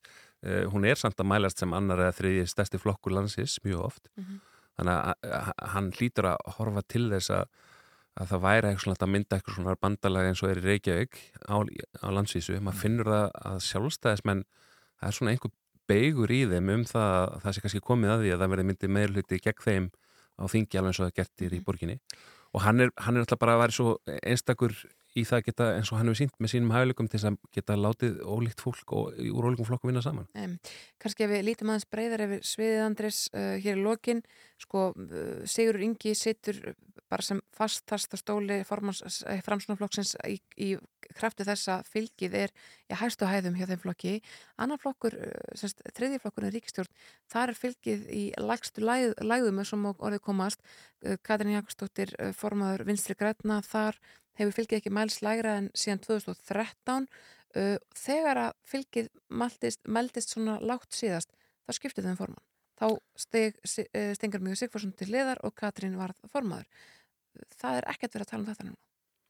Nei, vantarlega í ljósi personu vinsalda Katrínar og, og þess að hún er leituður ríkistöndunar og, og, og til dæla sterkur fórsatisraðura þannig að þetta er svona uh, en, en innegnin en svona kakvað sérstaklega hennar stuðnismunum uh, er, hefur verið að lækka mjög hratt. Og maður sér ekkert en ekki að það er eftir að snúast við. Hún er að leiða hérna aðra miðjustjórnina í röð uh, þú veist, það, hérna hún er búin að toga flokkin og ég held hérna kannski lengra en hún líði vel með og þannig að það er spurning, ég held eins og að hennar personuvinsaldir geta alveg, ef hún myndi skipta um vettvang myndi ekkert minka, hún, hún býra þeim og hún er alveg, hún er óvunlega stjórnmálumæður sem er að vera einhvern veginn veist, hún verður núna mættilega fórsettisáður í átta ár án þess að eitthvað, hérna, án þess að líti út fyrir að vera eitthvað valda gráðu sko. Mm. hún bara svo virka svo venjuleg manneski hefur hennan svona alþýðlega sjarma sem að, sem að hérna, skapar henni svona svigurum í því embætti Já. En, en pólitist er þetta ekki fyrir vinsti græna náttúrulega veitur setjandi. Þeir hljóta að gera skiptingu og þá finnst mann einhvern veginn líka beinast við að verði Svandi Svavastóttir sem að tæki við. Mm. Mhm. og hérna spurning hvernig henni vegna núna á næstunni. Hún ætlar að að fara að gera breytingar í sjáuröldvegi það er eins og farið flatt á því. Já, einmitt. Það er alltaf mikið gengið á innan, innan vafki, sko geta ekki komið einhver annar aðaleg utanfrá uh, inn í reyninguna og, og, og keft við þessa ráþeira um, um formasembætið. Jú, ég held að það sé líka alveg sterkum mögulegi það er hérna uh, ég hugsa það og, og við sjáum það bara á vinstri vegnum að, að það, svona innarskiptingar hafa alveg verið að, ganga sem er bara nokkuð vel upp Mhm. og við sjáum að bara fólk öflut fólk og bara Ragnar Kjartan sem myndlistamæður hefur verið stjarnan í auðlýsing, kostningaauðlýsingum vinstirkarna síðustu, tvær síðustu kostningum þannig að það er sannlega ekki svo að, að svona fólk eh, sem svo, aðsóps mikið fólk hérna vil ekki kenna sig í flokkin, þannig að það geta alveg verið. En ég, það kemur ekki óvart að þetta veri síðasta eh, kjörtumil Katrinu Jakobsdóttur. Þannig að við fáum að sjá eitthvað breytingar í haust, það að kosti það er alveg ljóst allavega eina samfélgarnar en spurning með aðra flokka. Takk kærlega fyrir að spá í spilin með okkur. Andres Jónsson, Almánutengi, allavega gaman, að- gaman að fá þig. Gaman að koma. Uh, við fyrir að skipta yfir á frettastofuna en svo ætlum við að heyra stöðuna á Mallorca einhver. Jú, emitt, fjöldi veitingahús á, á spænsku eiginu hefur tekið upp strangar reglur um klæðaburð viðskiptavina. Þú getur ekki lengur fengið þér öl í íþróttatreyjunni eða, eða í sundfötunum. Já, að, að e, ég stemmast yfir við ölæði ferðarfólks og við ætlum að ringja í Andriu Jónsdóttur farastjóra og e, í lók þáttar ætlum að ræða efnaðarsmálinn í Breitlandi, verkvöldin og flugmarkaðin við Hafstinn Hugson greinandi á Kveikubanka. Þetta helst auðvitað allt í hendur en ég verð að segja það að þetta Mallorca, þetta eru sko með Þetta eru ekki stóru lengur, málin. ég menna að þú verður að vera í skýrtu til þess að fá afgrættan bjór, segjulega þetta. Andra Jónsdóttir er búin að vera farastjóri í, á Mallorca í 34 ár. Vá, þekkir þetta vel og þegar ég heyrði henni í gær þá tala hann um það að þetta verður nú ekkit nýtt.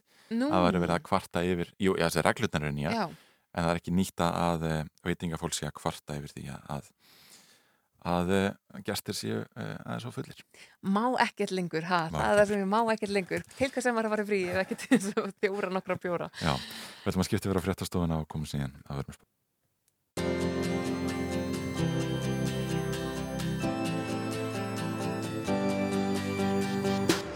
Þú ert að hlusta á morgunútvarpið. á Rástvö Jú, jú, morgunúttarfið heldur hér áfram uh, já, stýravakstahækun um 1% stig, heyrðum við hér í fréttunum, Emitt, þetta var, fréttir já, þetta eru nýja fréttir. Já, en við ætlum á Mallorca hins vegar, því fjöldi veitingahúsa á spænsku eiginu Mallorca hafa tekið upp strangar reglur um klæðaburð viðskiptavina. The Guardian fjallaði um málið í gær og þessar reglur eiga að draga úr drikkjulátum ferðamanna og þar um, í þessari frétt að tala um það að, að þeim verður til að mynda neitað um þjónustu sem eru byrjað ofan í grímibúningum, sundfötum eða íþróttatreyjum og línna er komin Andrea Jónsdóttir farastjóri sem hefur já, verið þarna á eiginni í um 34 ár. Já, góðan daginn. Góðan daginn. Uh, það er verið að fjalla um þetta hérna og, og talaði mikil drikkjulæti ferðamanna. Uh, er það staðan? Þar eru, eru, eru veitingafólk orðið mjög þreytt á stöðinni? Já, fólk er náttúrulega mjög þreytt. Þetta er búið að vera í svo mörg ár. Sérstaklega er þetta úlingar frá Breitlandi og frá Þýskalandi. Svo koma í þryggja og daga, þryggja fjóra daga ferð varallega að vera í partíum og drikka. Já, já, einmitt. Þannig að veitingafólkið er En núna í að rauninni, bregðast við. en í rauninni mjög þreyttir á sig. En þannig að rauninni árið 2020 það voru gerði lög til dæmis í þessum hérna þegar fólk kemur á hótel með all inclusive þannig að borða og drekka allt þá er búið að banna það með að gefa þeim alla drikki. Nú má bara gefa það, láta fólk frá sex drikki á dag, þrjá á hátteginu og þrjá á kvöldir. Sem að breytar sérstaklega eru mjög, mjög uh, settir yfir en núna byrjaði að vera sprjálar í England út af þessu. Af því það er greinlega ekki skýst út hefur að kaupa það. En það er enda bara á svæðinu í Magaluf og Blæði Palma. Já, já, þetta er bara hérna miðsæðis sem, sagt, sem þessi reglur gilda. Já, eh, hérna nefnir söður hluta eigarinnar og það er aðalega þá í Magaluf þar sem að eru englendingar sem eru alveg að hérna mjög rauðir.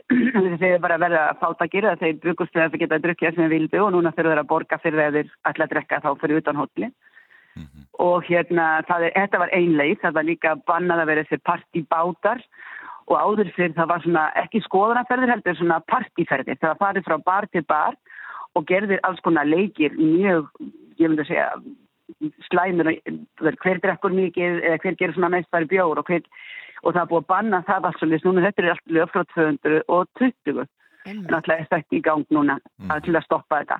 Og eins og það þetta í byrjun þá er ég plæjaði Palma þá eru margir maturstæði búin að taka það á ástöðun að breyta því að fólk verður að klæða sér betur til að fara inn eins og alltaf segja. Að það má ekki fara í, í symbolum eða bólum eða með gullkeðjur heldur svona eh, eðlulegra klættir eins og það segir.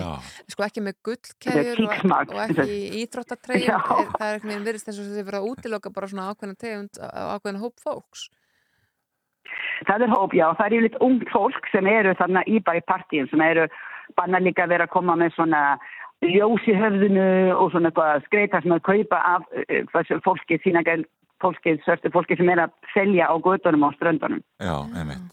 En þú hefur verið að farastjóri Já. í, í talsverðan tíma, eh, finnur þú fyrir því að... eh, Nei, ég er ekki búin að vera farastjóri talsvöndum tíma. Ég er ekki búin að vera farastjóri talsvöndum en- tíma. Ég er búin að vera farastjóri annars lægið í annars mörg ár. slagið í já. mörg ár, já, já, nákvæmlega, en verið þetta í langan tíma allavega.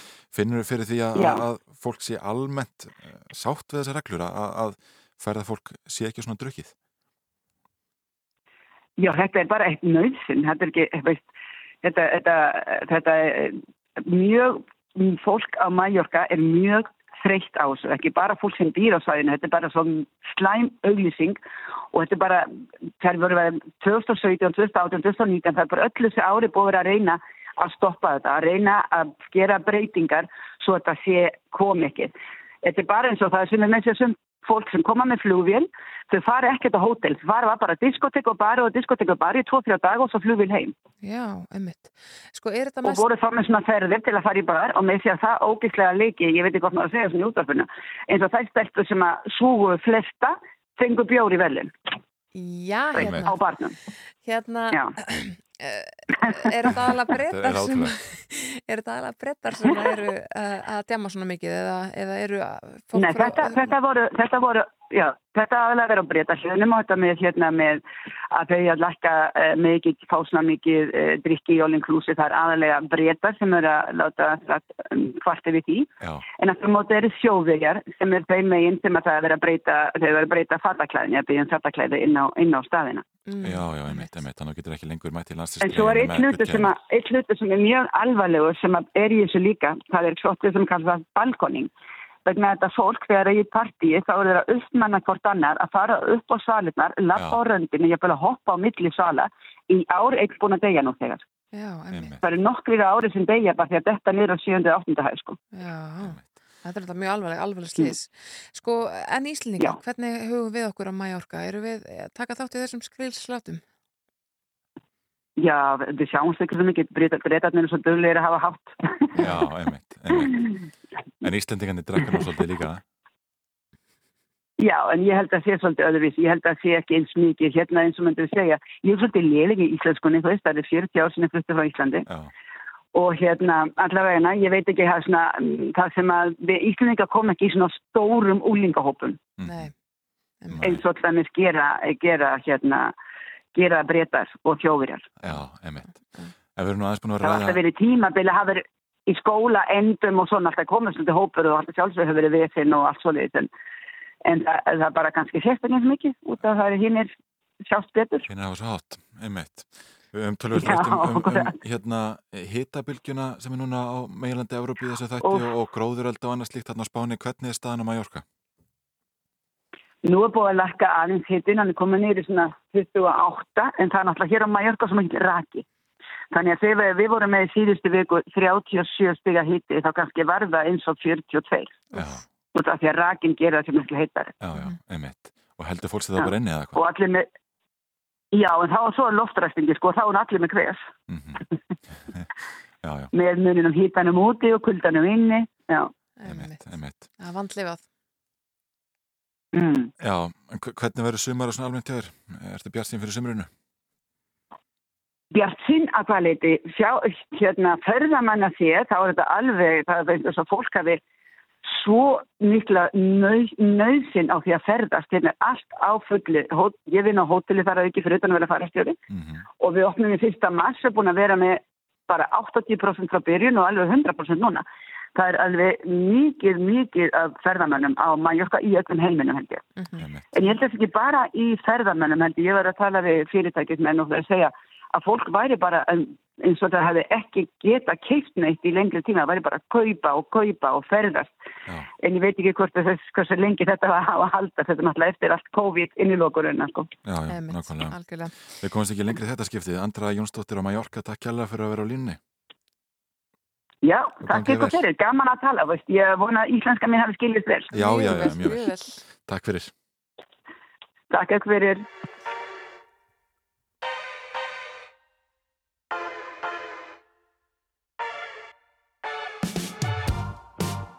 Haven't quite the same. There's a haze on the horizon, babe. It's only been a couple of days and I miss you. Mm, yeah. Nothing really goes to plan. You stub your toe or break your camera. I'll do everything I can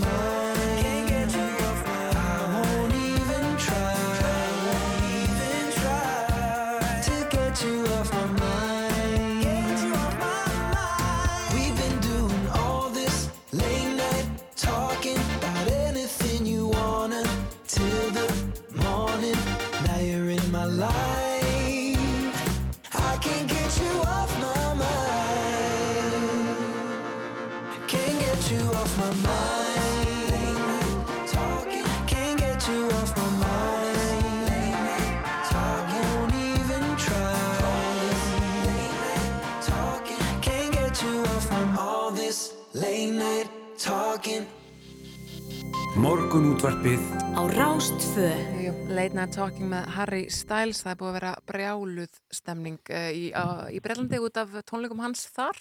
Já, já, einmitt. Og við ætlum við þanga núna uh, í næsta viðtali. En í þættinum í gærættu við raskanir sem hafa orðið á starfsemi flugvalla og flugfélaga undanfærið en verkvall og skortur á starfsfólki plaga flugfélögin. Og þá hófst stærsta verkvall lestarstarfsmann í Brellandi í um 30 ári gær og fyrir vikið eru lestarsamgöngur í Lamassessum land allt. Eh, Hafsteinn Haugsson, greinandi hjá Kvikubanka í Lundunum er komin á línuna, góðan daginn. Góðan daginn. Við byrjum bara, já, komst í vinnun í dag?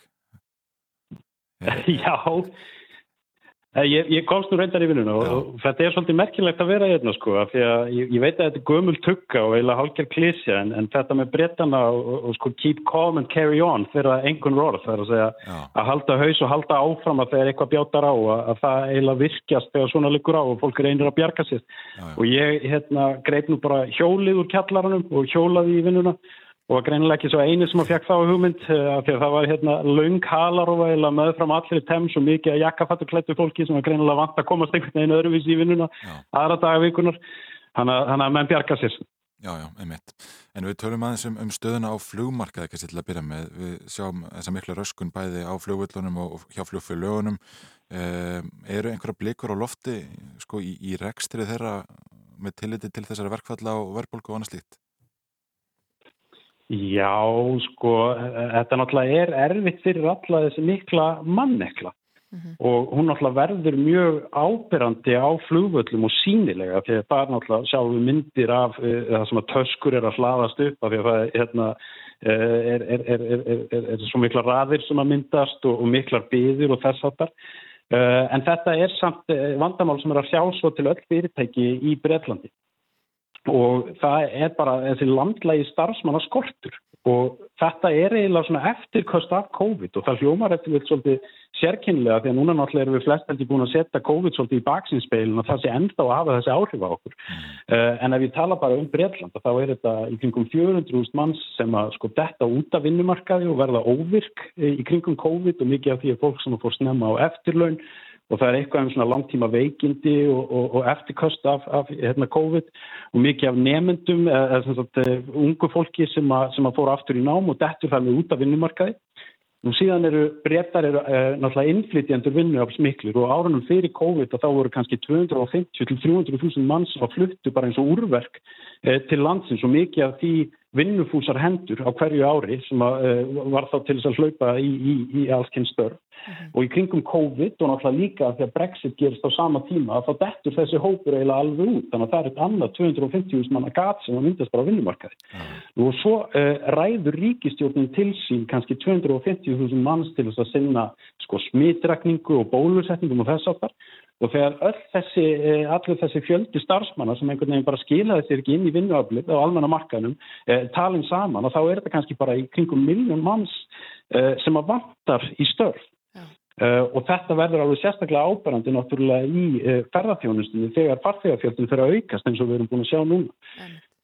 Sko við vorum með mannastjóra í Savia hér uh, fyrir vikunni og hann var að tala um, já, um það að Brexit væri svona helbyturinn sem að, að væri hjá breytum núna einmitt eins og, eins og þú nefnir að, að hérna, þetta fólk kemst ekki svo glatt inn á vinnumarkaðan aftur eftir að COVID er lokið. Er, er ykkur umræð um þetta í Breitlandi núna? Já, þetta er tölvört mikil uh, umræða og, og náttúrulega spilar inn í þennan starfsmannaskort. Og aftur þetta er í kringum 250 til 300.000 mann sem voru að flytja og stærstur hluti af þeim uh, kom uh, frá innri markanum, það er að segja frá Evropasambandsvíkjum inn til Breitland. Þannig að þeir reyða sér mjög mikið á þetta við mjög og núna er búið stuði að þessi tala verði kannski nær 100.000 á ári hort fram á veginn, þannig að mikið af félögum eins og í, í flugrekstri sem hafa reykt sig á þetta vinnu af þau uh, kvarta sárum undan þessu. Uh, og ég sá til dæmis að núna hafa sko uh, bæði EasyJet og British Airways og, og fleiri flugfélög og þau hafa sko fækka flugverðin í sumar. Og þau kenna Brexit um og segja það að þau er erfitt með, með að fá starfsfólk. En svo ofan á ofan á þetta leggst síðan að, að, að það er náttúrulega til dælu að stranga hvaðir að fólk fer í svona bakgrunnsleit uh, til þess að tryggja að það stað enginn síðverkóknum áður en við erum hlift að vinna í, í, flug, uh, flugvélum eða flugvöllum. Og ágreðsla á þessum umsóknum sem að ríki þarf að samþykja að hún hefur lengst úr því að vera kannski 2-3 mánuður og upp í tvöfald það og það leggst síðan ofan á sko, þennan starfsmann á skort og þess að erfiðleika við það að finna starfsfólk til að manna þessar stöður. Þetta er kannski það sem að Brexit-kostningin snýrist að ykkur leitu um, það er að segja Erlend vinnuafla, það hefði ekki svona, hérna, get ekki innan stóra gæðslepa tekið störf vennilega breyta. Akkurat og, og, og núna er þeim að verða að ósksinni og, og ég held að það er náttúrulega fyrir vikið held ég að það þarf kannski hímina, að þetta er alltaf einhver fórnukostnir að á milli. Að fyrir vikið held ég að það verður kannski eitthvað hærra launaskriði hérna innanlands að því eitthvað þarf að gera til þess að halda í e, þetta starfsfólk. En á móti kemur að það náttúrulega kemur þá mjög á rekstri fyrirtækjana og getur síðan e, já, þannig, að þetta er svona þessi þetta sem að takast á. Einmitt, þetta er náttúrulega áhugverð sem nefnir hérna út af því við erum að sjá þessi verkvöld það kemur að lesta samkvöngunum er rík krafa hjá almenningi Breitlandi núna að þurfa að hækka laun verulega og, og hvaða áhrif hefur það á, á efnaðaskerfið í landinu?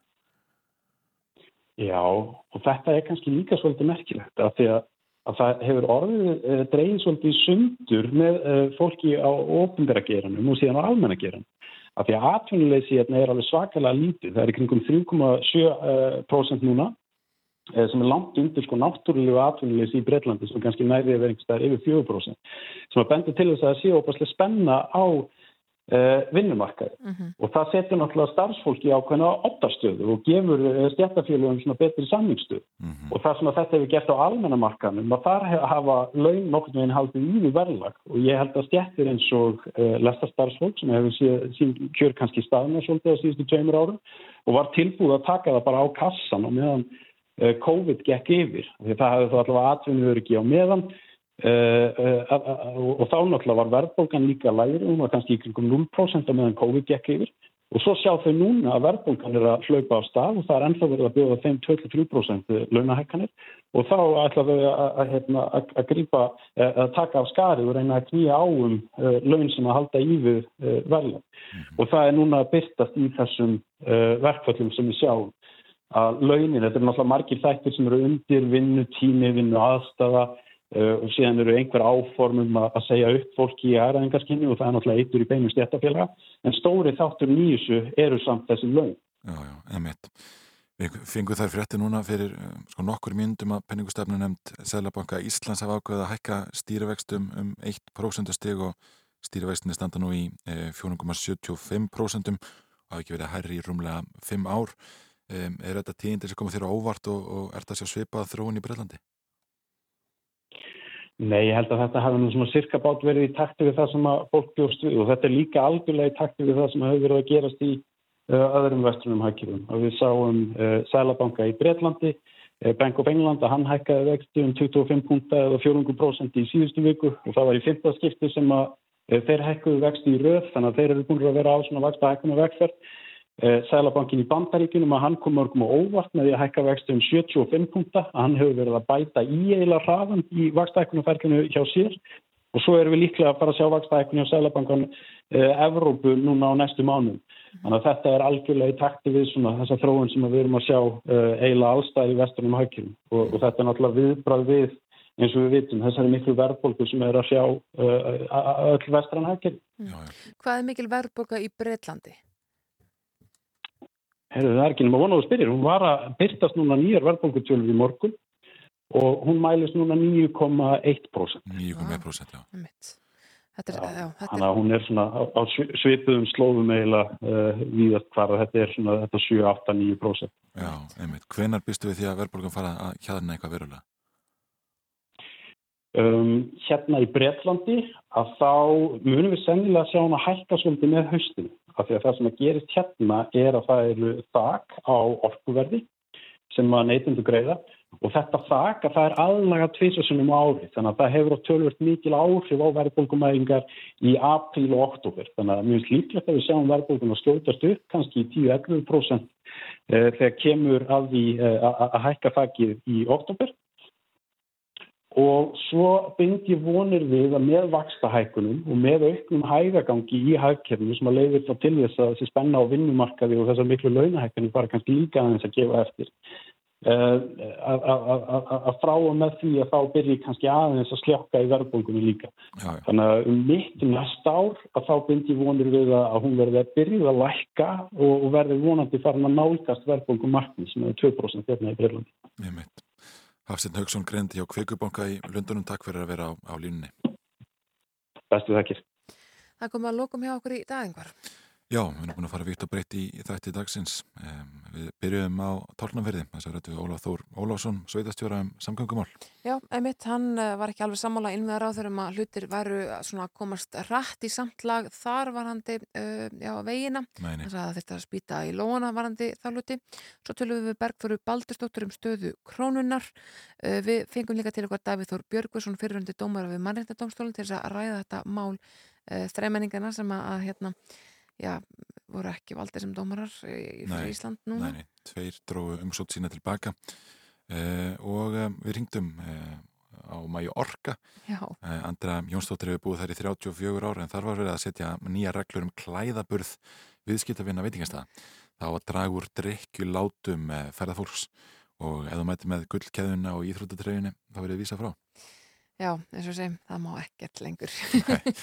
og síðan rættum við núna við já, Hafstinn Haugsson, greiðandi á Kveikubanka í Lundunum um efnaðasmálinn, um, verkvöldin í Breitlandi og um, flugmarkaðinn. Nei, mitt. En við þakkum kærlega fyrir okkur í dag, verðum hér aftur á morgun eins og alla virka daga. Verðið sæl.